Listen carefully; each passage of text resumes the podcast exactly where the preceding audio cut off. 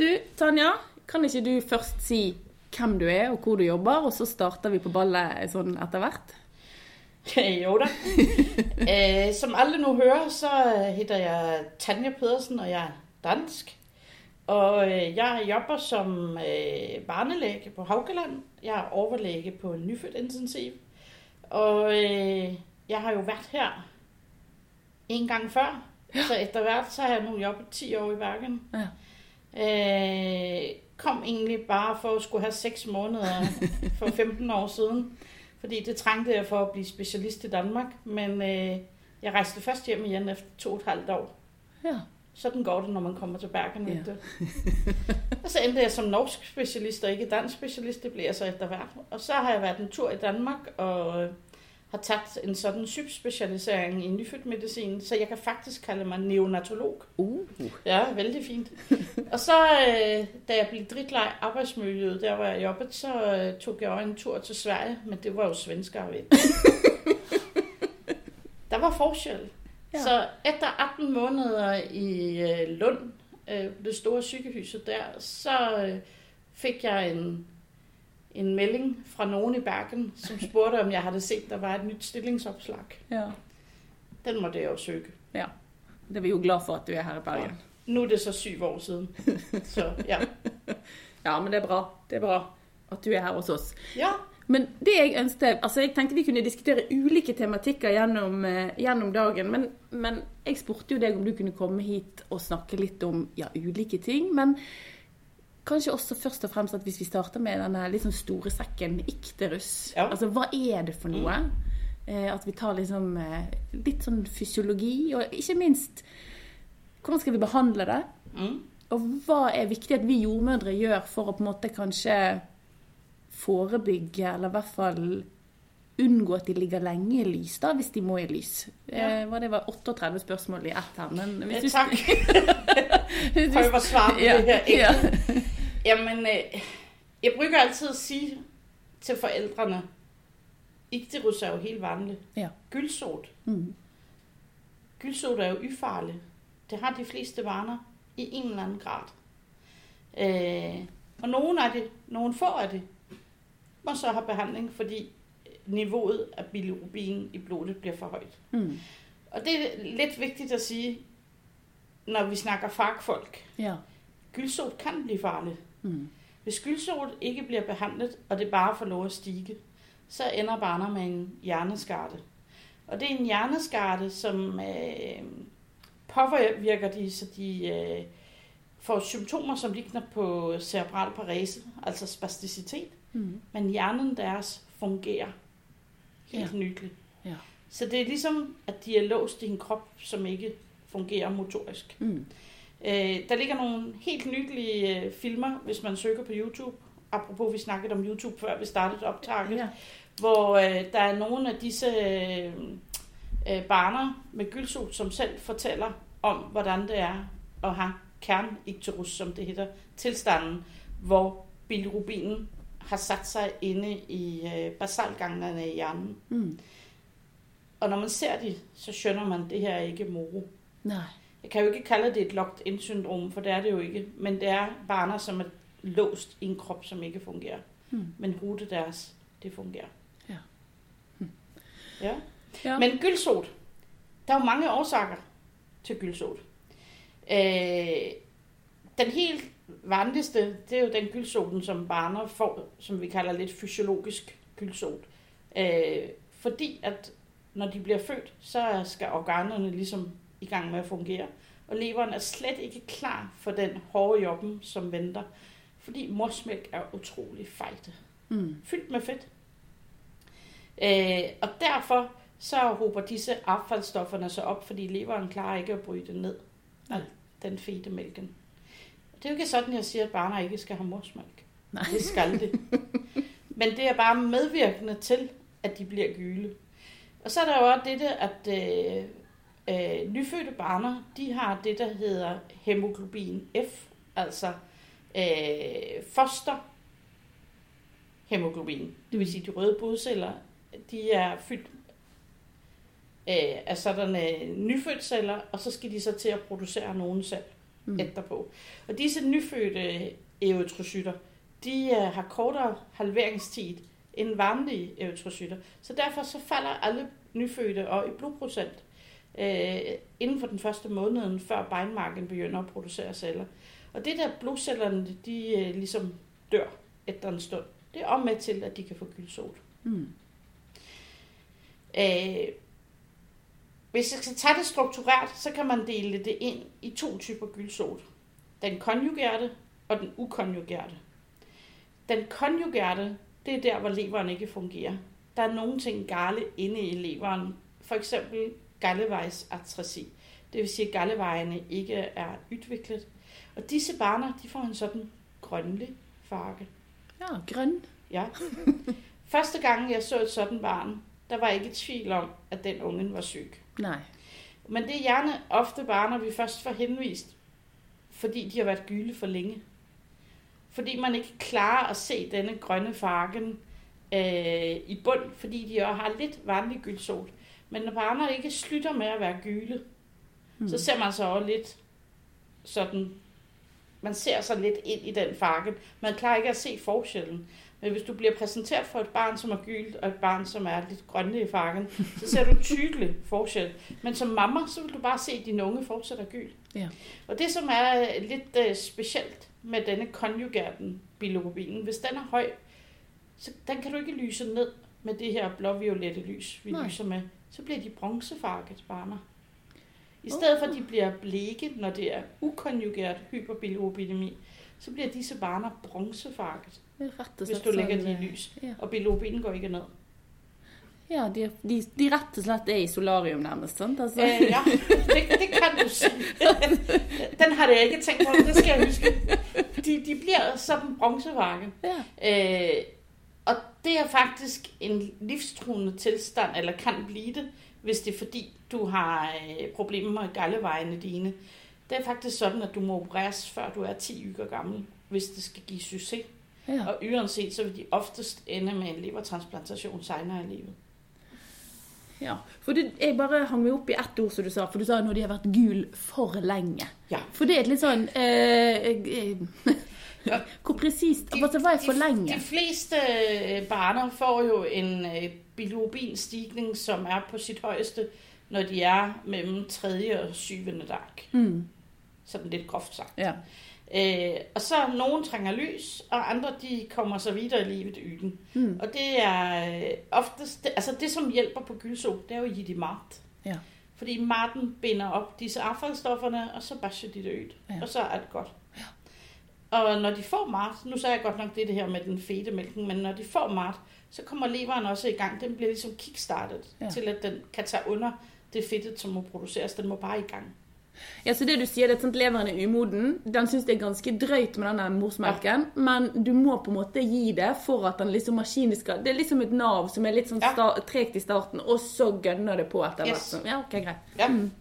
For å lage et bilde her. Fint bilde. Ja, fint bilde. ja. Nei, øh, Ja, nu mistede jeg tråden. Ja, typisk. Ja, nej, øh, du, så... du sagde, det var det med, hvor, lang, hvor, hvor længe man gylde. Så, øh, mm. Du har, har højst gyldsot-værdi, når du er mellem 3. og 7. dag. Mm-hmm. De fleste, hvis de trænger behandling, så trænger de bare behandling en enkelt gang. Men det kommer lidt an på årsagen. Og nu nævnte jeg bare det, det her med gallevejene, den mm. konjugerte, som er vigtigt at fange op. Hvis vi gør den færdig først. Ja. Øh, disse barner, øh, de vil være gyle i mere end tre uger. Sådan at man kan se på det, de er gyle, og de vil være gyle på skleri. Ja. Øh, gylsot, det starter i ansigtet, og så spreder det sig ud kroppen. Mm-hmm. Og når det går bort, så trækker det sig tilbage samme vejen, som det kom. Ja, så det bliver sidst. Så ansigtet vil altid være gylt. Ja. Det er det sidste stadie. Det gyle på skliret, det er det sidste stadie, det forsvinder. Ja. Så når man skal tjekke, om en unge er gyl, så hjælper det ikke at stikke hovedet ned i vognen. Nej. Du skal klæde barner, og du skal se på beiner deres, du skal se på marken deres, og så skal du stryge med en finger, ligesom når du ligesom ser, hvordan er øh, kapillærresponsen. Ja. Bare stryg på det, og så ser du, de bliver bleke, og så ser du, er de normalt bleke, eller er de gylt bleke. Mm-hmm. Øh, og så bliver de jo, får de jo så lidt mere rosa farve, når så kapillærerne fyldes på. Men der er vældig tydelig forskel at se på, at de er rosa på beiner, men så er de kanskje fortsat gyle på thorax. Ja. Og det er sådan, når det er på vej væk. Mm. Men hvis nu en unge bliver ved med at sige sådan gyld og du er mere end tre uger, der må du henvise ind til nyfødt. Tag en telefon ind til os, eller skriv en, for nogen til at skrive en henvisning. Så tager vi de ind, og så tager vi et øh, spekter af blodprøver, bare for at tjekke, at alting er, som det skal være. Ja, for nu blev jeg lidt sådan, når du sa tre uker, så tenkte jeg, oj, har vi så god tid? Ja. Ja, for det er jo lidt godt at vite. Så når for hvis, ligesom... hvis du er en sådan baby, hvor leveren syntes, den her morsmælken, shit, jeg har på overarbejde, ja. der kan de sagtens være gyle i over en måned. Ja, de kan det, ja. Det kan de sagtens. De kan ja. godt gå med et bilirubin-niveau på rundt 200 i flere uger i stræk. Ja. Men så længe vi bare tjekker, at alt er grejt, og den ligesom holder sig på det niveau, og langsomt, men sikkert går nedover, så mm. er der ingen fare ved det. Nej, okay. Det er mere de her, som har svingninger, eller de, som så viser sig at have en stor konjugeret andel, ja. som må have hjælp mm. for at komme sig videre. Og de må have hjælp i tide. Ja, for det var det som på en måte jeg slo meg når du liksom snakket om dette med å ha For de får ganske høy bilirubin raskt, sant? Ja. Og da tenker jeg at hvor lenge kan man tåle å ha høy eh, bilirubin? Altså, der findes jo øh, nationalt men det kan jeg så sige, det er den samme tabellen, som bruges i hele Skandinavia. En tabel for, hvordan dit bilirubin-niveau skal ligge. Alt afhængig af vægt og gestationsalder, og hvor gammel du er, altså i dager eller timer. Mm. Det schemaet, det vil det at træffe, når I kommer ud og jobber i praksis. Mm. Øh, på øh, føden og barsel rundt omkring, der ligger disse schemaerne. Og der sætter man simpelthen ind, øh, nu er det jo så elektronisk, vi andre er vant ved papir, men elektronisk ligger det jo i Natus, mm. at man taster simpelthen bilirubinværdien ind, og så bliver den placeret på øh, tabellen. Og det eneste du skal, det er at finde ud, hvilken af disse strikkerne tilhører det, det her barnet. Ja. Og det har lidt at sige, om du er præmatur. De har lavere øh, lysgrænser end, øh, end matur. Mm. Og det har nogle ting både med vægt, men også med modenhed at gøre. Ja. Ja, så at eh, jo mindre du er, og da tenker ikke jeg i Nei. men i antall uker, altså gestasjonsalder, ja. Ja. jo lavere eh, er på en måte grenseverdien for hva du tåler av ja. Eh, bilirubin. Ikke sant? Men der, der går det veldig på vekt når ja. du er øh, præmatur. Mm. Øh, for eksempel under 1000 gram, øh, deres lysgrænse vil ligge på 150. Og det er jo ganske lite, når ja. man tænker på, at en matur unge jo har 150 som oftest allerede i andre levedøgn. Ja. Ja. Ja, så det, ja, så det, det på en måte, man må på en måte ikke bare tenke gulhet, man må tenke gestasjonsalder, man må tenke vekt, mm. man må bruke hodet, og man må Men nå snakker vi veldig mye om denne gulheten, sant? Ja. Men jeg må jo si at noen ganger når jeg tenker eh, på disse barna som da er gule, og som vi lurer på og skal han lyse ikke, skal vi stikke, skal vi ikke stikke skal altid bruke den transkutane måneden først. Ja. Den er ikke præcis, men den kan give et hint om, hvor er vi henne. Og hvis værdien viser sig at være vældig høj, så tager vi en blodprøve. Mm. Men nogle gange så lyrer blikket, eller hvis tæppet er lidt gylt, eller lyset er lidt gylt. Og nogle gange så tænker jeg, at jeg har taget de, lyse, eller de gyle brillerne på, og så synes jeg, at alle ungerne ser gyle ud. Men så brygger vi denne transkutane måleren, fordi kanskje vi kan vente 12 timer med at stikke ungen. Ja, fordi... Og nogle gange så må man bare tjekke den flere gange for dagen, for det kan stige vældig, vældig hurtigt. Ja. Det kan godt være, at den ikke ser gyld på morgenen, men så er den til lysbehandling på kvelden. Ja. Og der koster det vældig lite at bruge denne her transkutane måling. Og den findes efter mit vidne alle pladser.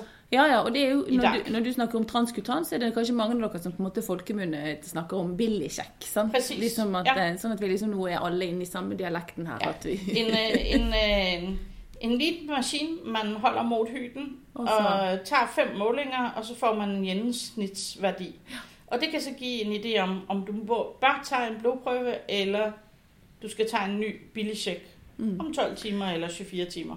Men, men samtidig så vil jeg, måte det jeg ville litt inn på, det var at noen ganger sant, så tenker vi at de, som, de kan bli litt slappe òg, disse barna. Ja. Altså, altså jeg tenker du må liksom Det blir én pluss én pluss én. Altså det blir mange ja. ting her som gjerne kan altså, en, og en, en ting er at de blir gule. Øh, men øh, gylsoten, altså disse affaldsstofferne, gør, som du siger, gør de trøtte Mm-hmm. og sløve. Men det, man også må se på, det er barnets vægt. Ja. Fordi hvis barnet, altså alle børn går ned i vægt, det har jeg sikkert hørt reglen om, mm. at vi vil helst have det maks 10%, og de skal være på fødselsvægten sin igen, senest efter to uger. Mm. Øh, men igen, som du siger, det er lov at tænke lidt.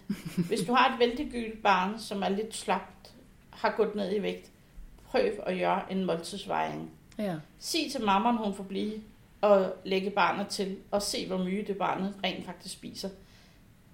Selvom den mammaen siger, hun har mælk, hun har som regel ikke mælk nok, Nej. hvis vi står med et vældig, vældig gyldt barn. Eller også har vi et så gyldt barn, at den ikke klarer at spise. Den Ja. har ikke kræfterne til at syge. Mm. Og der får man jo så gøre denne her vurdering. Okay, vi måltidsvejer. Hvis ikke den tager nok, så beder vi mamma pumpe sig, efter hun har måltidsvejet. For kommer der ingenting ud, så ved vi, der er i hvert fald tomt, så er det ikke Mm. ungens vej. Så er det fordi mammas produktion ikke er kommet i gang. Eller kanskje vil den ikke komme i gang. Men hun må have chancen, så der er det vigtigt, at hun bliver udstyret med en brystpumpe, sådan at hun kan stimulere efter alle amminger. Men nå, vil jeg, nå kommer jo liksom jordmorkjepphesten min inn her. Og da tenker jeg mye dette med at du sier at, at barnet ikke kan Altså at det er såpass slapt at jeg kan ha nok melk. Mm. Men når det ligger til brystet, så klarer den ikke å på en måte suge skikkelig. Mm. Så da er det jo uhyre viktig at jeg ikke bare sier 'nå skal vi måltidsveie her, Tanja', og så går jeg. At jeg faktisk observerer egentlig ammesituasjonen. Og ikke sier 'jeg Du kommer er inn nødt til gjennom' at give ammevejledning. Netop, det er jo sant? det eneste, som virker. mm. Øh, der må ammevejledning til, og vi ser på nyfødt ser vi faktisk, det her er et stort problem. Vi får mange henvist, fordi der er dårlig vægtopgang, eller og nu stikker jeg hånden ind i et vipsebo. Den helt store trend er, at alle barn har kort tungebånd. Ja. Det er vældig interessant, hvordan antallet af barner med kort tungebånd har eksploderet de sidste årene. Jeg skønner ikke, hvordan barn i min generation har lært hverken at prate eller spise eller blive overvægtige, hvis vi alle har kort tungebånd, som ikke har blivet klippet. ja. Det er faktisk sådan, at øh, 80% af de, som bliver henvist for kort tungebånd, bliver ikke klippet, bare de får ammevejledning. Nei, nettopp. Ja.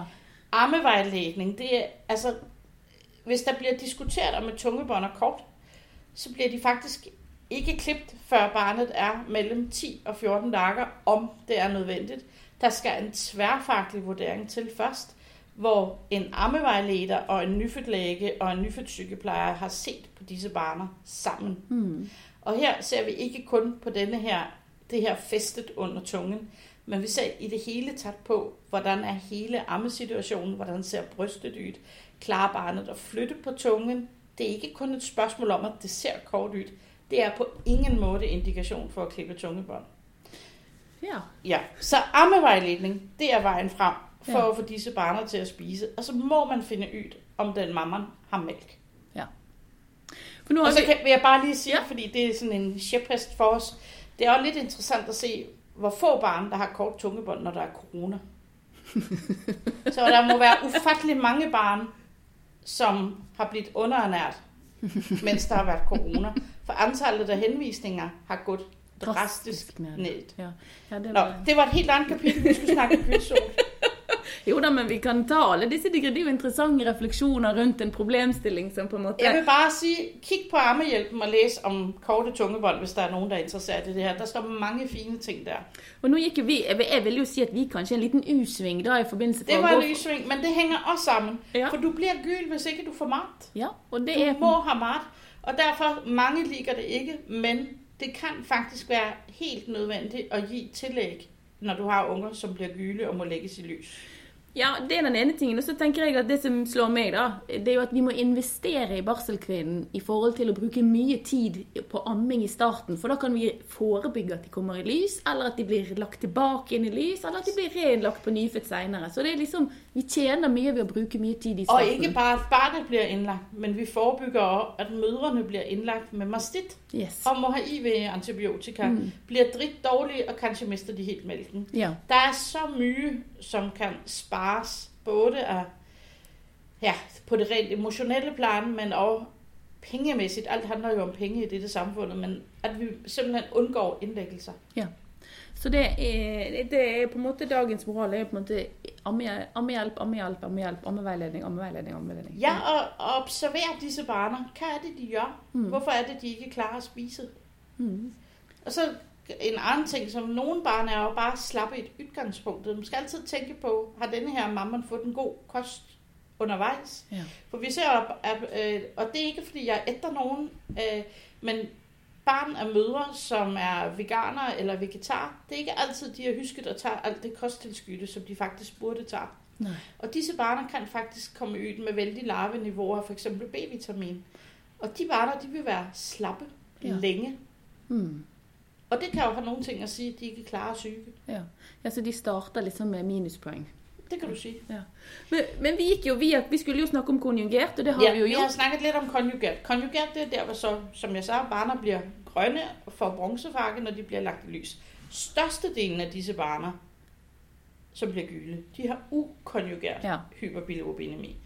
Og der snakkede jeg om, at det kan være fysiologisk. Mhm. Det er jo det, det her med, at leveren er umoden, den må i gang. Så snakkede jeg lidt om det føtale hemoglobinet. Øh, altså, man kan få hemolyse, og det er jo sådan en helt naturlig årsag, at de føtale cellerne, de har kortere halveringstid, de dør. Hemoglobinen går ned, og når blodcellerne dør, så opløses de, så bliver du gyld. Mm. Men så er der jo også hemolyse, som øh, ikke er den fysiologiske. Hvis du har øh, for eksempel øh, forskellige typer immuniseringer. Ja.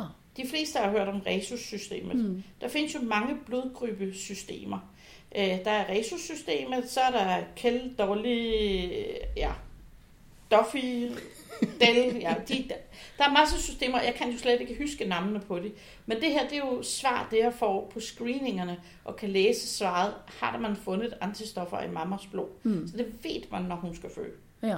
Men der er så en type, som man ikke kan tjekke på forhånd. Og det er AB0-immuniseringer. Det vil Mm. sige, hvis selve ruteblodtypen er forskellig på mor og barn, sådan at mor har sendt antistoffer via placenta ind i barnet. Det sker ganske ofte, og disse barner, de bliver faktisk vældig gyle vældig hurtigt. Mm. Og ligesom med resus, hvor det kan stå på over yger, de må i lys mange gange, så kan AB0-immuniseringer faktisk godt trænge det. Vi har nogen, som er i lys både 4 og 5 gange. Og de barner får man oppasse på, fordi de får efter hvert og en lav hemoglobin. Netop fordi at blodcellerne de dør lidt hurtigere, de hemolyserer. Mm. Så der er man nødt til at følge op, og kanskje må de starte med jernbehandling, Ja. øh, simpelthen for at fylde på lageret igen. Men når du sier at eh, de må inn eh, i lys fire-fem ganger, tenker du sånn inn av lys, ut av lys, Ja. inn av lys? Ja. Altså nesten sånn Og på, en, på et være- ukebasis? Eller? Ja, eller på to-tre uger.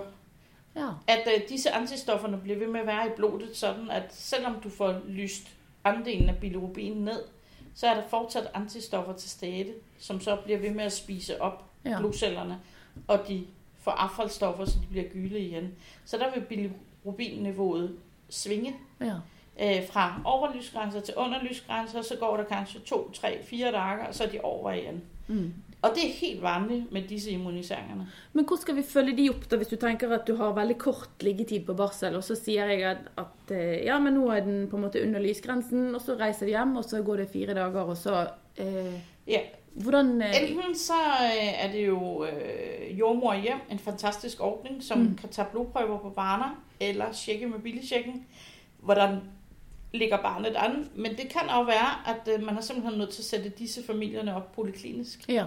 Og der er det jo så enten poliklinikken på øh, kvindeklinikken, eller poliklinikken på nyfødt, som får tage over. Og disse, som må følges mange gange, de øh, bliver fuldt hos os. Ja. Øh, der har øh, KK en regel om, at de følger dem indtil de er fem dage gamle, og så tager vi over. Mm. Og igen, hvis man har et barn, som man synes pludselig bliver gyldig igen og har blivet for gammel, så er det bare at tage en telefon til nyfødt. Så sætter vi de op, og vi kan tage dem med dag, ind med dags varsel. Det handler bare om, at vi kaster et blik på dem og tager en blodprøve. Ja, for det var det som jeg var liksom eh, litt opptatt av, at vi må på en måte, vi må ikke slippe de. Altså, Nei. vi liksom, nå, ja, men nå reiste de hjem, da er det ikke mitt. Så, for vi må følge de opp, for det får Ja. så store konsekvenser hvis vi, Præcis. hvis vi ikke følger de opp. Og de kan, selvom de er blivet syv dage gamle, så kan de fortsat få så høje bilirubinniveauer, at de kan få hjerneskader. Ja. Så det er kæmpevigtigt, at de bliver fuldt op. Mm. Og det er kæmpevigtigt, at de rigtige blodprøverne bliver taget, når de ligger på barsel og bliver gyle første gang. At vi får taget blodtyperne. At vi får taget disse her øh, testene på mor og barn, så vi kan se, om der er blodtype uforliggelighed. Det er det, der hedder en DAT-test. Mm. Direkte antiglobunin-test. At de testerne bliver taget, så vi faktisk finder ud, er det et barn, vi skal passe vældig på? Kan der blive nogle ting over længere tid her? Ja, for det, hvis jeg forstår deg rett, så sier du det at vi kan jo ha noen som går inn og ut av lys, men det har ikke noe med resusimmunisering eller AB0 å gjøre. Det er bare det at eh, ting, det er bare, at ting tager ting, tid. ting, ting tar tid. sant? Ja. At leveren er umoden. Altså umodne barner, det er jo ikke bare præmatur. Nei? Det er jo for eksempel også øh, barner født af mødre med diabetes. Mm. Og dem har der jo blivet ganske mange af. Ja. Øh, det er jo ikke bare insulinkrævende diabetes, det kan også være øh, gestationel diabetes eller type 2 diabetes. Og det er jo sådan lidt øh, en, øh, en øh, ja, skal vi kalde det samfundssygdommer. Der er flere og flere, der bliver overvægtige. Øh, og disse kvinderne, de får øh, diabetes, og det kan også påvirke barner. Og det, vi ved bare, at disse barner, de er store, og det er jo ofte på grund af, at blodsukkerniveauerne ikke har været helt så fine, som vi ønsker os. Men der er de faktisk også umodne. Mm. Øh, tvillinger er umodne. Så der er mange patientgrupper, som kan virke umodne. Barner, som får infektion, kan blive gyle. Mm. Øh, og det har nogle ting at gøre med, at hele kroppen kommer i sådan inflammatorisk øh, beredskab. Mm. Ja, og så det er utrolig mange ting vi må tenke på. Og For når du sier det med store barn, sant, så nå har jo jeg vært jordmor i 20 år, sant? så ting har jo på en måte Mm. endret seg veldig. Og, og jeg syns jo ofte at å, de skal være sånn gode og knabben, og de er så fine. Mm. Og så er det egentlig litt sånn en kamufle, mens, mens når de er små, litt sånn ja, small for gestation eller Asian, litt sånn, sånn skrinne, så kan de være vel så på en måte eh, robuste som en, en Ja. på 4,5 kilo. Men vi, men vi har eh, helt andre briller på når vi Og det, det, ly, det lyder vældig. Jeg, er som dig, så er jeg miljøskattet den andre vejen. Jeg Ja. synes jo, de fineste babyerne, de er sådan 2-2,5 kilo. ja. Altså disse babyerne, der vejer 5 kilo, der tænker jeg bare, jamen du kan jo lige godt køre de i barnehaven med en gang. Det er jo alt for svære. Men der er jo fordele ved mange ting, der er ulemper ved mange ting. Mm. Mm. Øh, og de, som er, øh, er øh, på en eller anden vis væksthæmmet eller small for gestational age, at de, øh, de kan være så små, at de øh, har påvirket, altså hjernens udvikling har blivet påvirket, at de ender op med en anden form for hjerneskade, når de bliver ældre. Mm. Så det er ikke bare sådan, det er ikke lykken at være liten, men det er absolut heller ikke lykken at være stor. Nei, og det var det som var litt poenget, at vi må ikke Ja. på en måte eh, ikke observere de store, litt sånn eh, robuste, friske som ser. Altså, sånn, hvis hvis Nei. jeg skal bare bruke en enda lengre referanse, av min mormor som på en måte var født i 1920, så ville hun sagt at når du får et barn som er liksom feit og god og litt sånn lubben, og, og det, Det er det sunn, et sunnhetstegn, sant? Ja. Mens, mens eh, på en måte medisinene har ut, Ja. og vi på en måte redder Ja. barn som vi aldri reddet før, og, og da får man liksom noe med at man, man må ikke se seg blind på det. Nej, der, der, er, der er fordele og ulemper ved alt. Ved alle størrelser. Ja. Men så jeg lurte på om vi kunne ikke nødvendigvis hoppe da, men nå har vi jo snakket veldig mye om, om gulsott, Mm. ikterus, jaundice, altså kjært barn, ikke mange navn, men eh, ulike, Ja. hvilke dialekter man snakker. Ja, ja. Så tenker jeg at ok, jeg jobber på barselavdelingen. Jeg har et barn som eh, er, eh, krever lysbehandling. Mm. Det er ikke nødvendigvis en AB0-uforlik eller resuscimin, det er ikke, men den er på en måte bare litt treg. Mm. Denne leveren den har ikke kickstartet. Eh, og så legger vi den i lys, Mm. og så faller bilirubinverdiene, altså den responderer på behandlingen. Mm. Og så vil jeg, du ta den ut, og jeg vil ha den inne for sikkerhets skyld. Ja. Altså, hva skal vi gjøre? Sånn, hva er den mest optimale på en måte, behandlingen når vi tar et barn ut av lys for å forhindre at den går inn igjen? Jamen altså, øh, Og da er dette et barn til termin, den har vekten som tilsier at den ikke er et åttemåltidsbarn. Altså de der barna som på en måte i utgangspunktet er helt friske, og så bare er den litt umoden, som vi nå har snakket om. det vigtigste er, at den får mat. Ja. Fordi mat er med til at skille ud affaldsstofferne. Mm. Øh, Og man skal give øh, barner lidt mat på kop efter hvert ammemåltid, eller give de lidt på flaske efter hvert ammemåltid. Det har jeg ingen problemer med. Nej. Vi ødelægger ikke ammingen ved at give de ekstra mat. Det vigtigste er, at de bliver lagt til brystet først, sådan at brystet bliver tømt eller stimuleret, så der rent faktisk kommer skikkelig gang i Mm. denne ammingen. Men det vigtigste, når barnet er vældig gyle, det er at få skyldt ud affaldsstofferne. Og det kan du kun gøre ved at give de Mat. mælk, mad øh, eller morsmælkserstatning. Det er det. Og det, jeg havde engang en chef, som sagde, der er nogen, der mener, at jamen, så kunne man bare give dit lidt vand op. Bare fylde på med vand. Ja. Eller kamillete, det var vældig brugt Uh. i Danmark, kan jeg sige. til mange ting. Øh, jeg havde en chef, som engang sagde, at hvis vor herre, nu blandede jeg pludselig religionen det her, men hvis vor herre har det ment, at barnet skulle have mælk eller kamillete, så havde han udstyrt kvinder med et tredje bryst. ja. Der var ingen grund for, at disse barner skulle have andet end morsmælk. Ja. Det var ligesom hans pointe. Øh, de må have mat, og så øh, plejer jeg også at sige, at jamen, i Afrika, hvor de ingen lysbehandlingsapparater har, det eneste, de har der, det er dagslys. Ja. Og nu er vi jo så heldige at bo i Bergen, hvor det ikke er et problem at blive solbrændt. I hvert fald ikke på denne årstid. Men stille barner ved vinduet, så de får dagslys på sig. De skal jo ikke stå for træk. Nej. Det er jo ikke sådan, de skal blive kalde, men lad de stå, hvor dagslyset faktisk rammer de. De må ikke stå direkte i sollys, hvis man skulle være så heldig, at det er en solskinsdag. Men dagslys, det kan faktisk have lidt at sige. Det er det samme spektrum af, øh, af lys, Ja. af lyset, som vi brygger i disse lamperne. Ja. Ja, for det, det er liksom Fordi vi må, eh, må huske på at det er et ganske stort traume for mor, og for så vidt far, hvis han er der òg, at det barnet hele tiden blir lagt i den Tænk på, kassen. hvilket traume det er for barnet. Ikke minst. Fordi vi, vi vil jo alle sammen egentlig, at disse barner skal ligge hyt mod hyt. Mm. mest muligt, fordi vi ved, det stimulerer til øh, bindingen mellem barnet og forældrene. Vi ved, det stimulerer til, at mælkeproduktionen kommer i gang.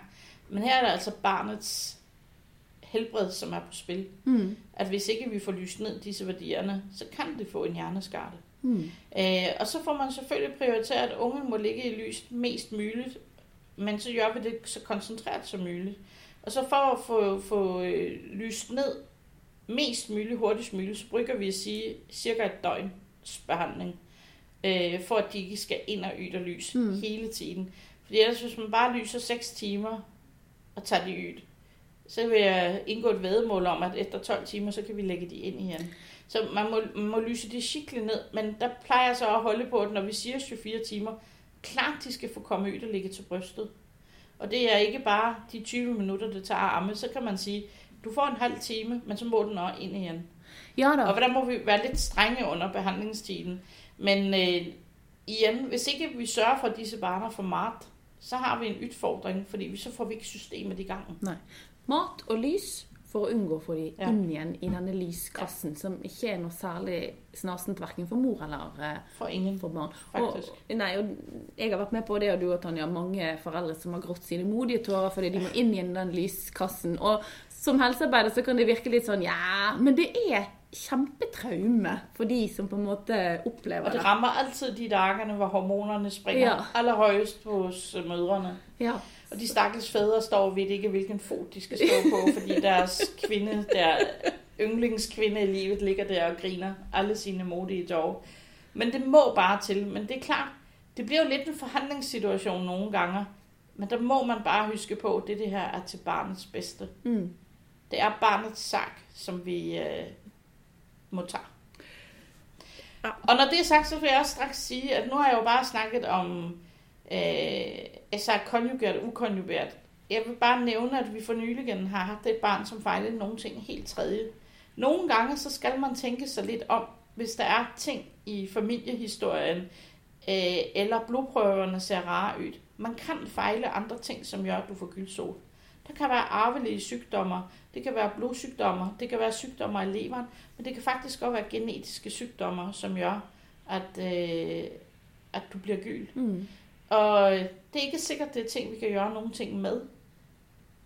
Men der har vi jo heldigvis muligheden for at kunne transplantere disse barner i dag. Mm. Hvis det er, det er en lever, som er helt... Ja, nu vil jeg bruge et ord, som jeg ikke må sige. Men en, en lever, som bare ikke fungerer, øh, der er det jo vigtigt, at disse barner får den rigtige medicinske behandling, og kanskje ender op med en levertransplantation, Ja. fordi genetikken bak ikke fungerer. Så er der nogle ting, hvor man tænker, hvorfor bliver den ved med at være gyl, eller hvorfor ser de her prøver nyt, eller er det barnet lidt rart, eller siger mamma, når det, øh, altså, der kan være mange historier. Vi har mange flygtninge, det skal vi også huske på. Afrikanske barner, eller asiatiske barner, de har sygdomme i Afrika og Asien, som er genetiske, Mm. øh, som gør, at barner bliver gyle. Det er sygdomme, vi ikke har her. Dem er vi nødt til at tænke på også. Og det er kæmpe vanskeligt at se, om et afroamerikansk barn er gylt. Ja. Det er der ingen af os, som kan se. Og så kan man have været jordmor, barneplejer, barnelæge i 50 år. Du kan ikke med dit blotte øje se, om det er barnet, der er gylt. Der må man tage en blodprøve Mm. For at utelukke, at ting går galt. Ja da, og vi har jo et prinsipp om å på en måte ikke stikke for ofte, ikke utsette, ikke gjøre tiltak unødvendig. Men noen ganger så må man, for det som du sier, til barnas beste. Altså, øh, vi skal passe på barna. Vi skal ikke udsætte de for unødig prøvetagning eller smerte, men vi skal også gjøre jobben vår, Ja. og vi skal bruge hovedet. Jeg tenker vi lar det være litt sånn siste ordet for, eh, for ikterussen, eh, Ja. Tanja. Nå har vi tøtet mye om den. Meget, meget lys og brug hovedet. Ja, det var en god avslutning.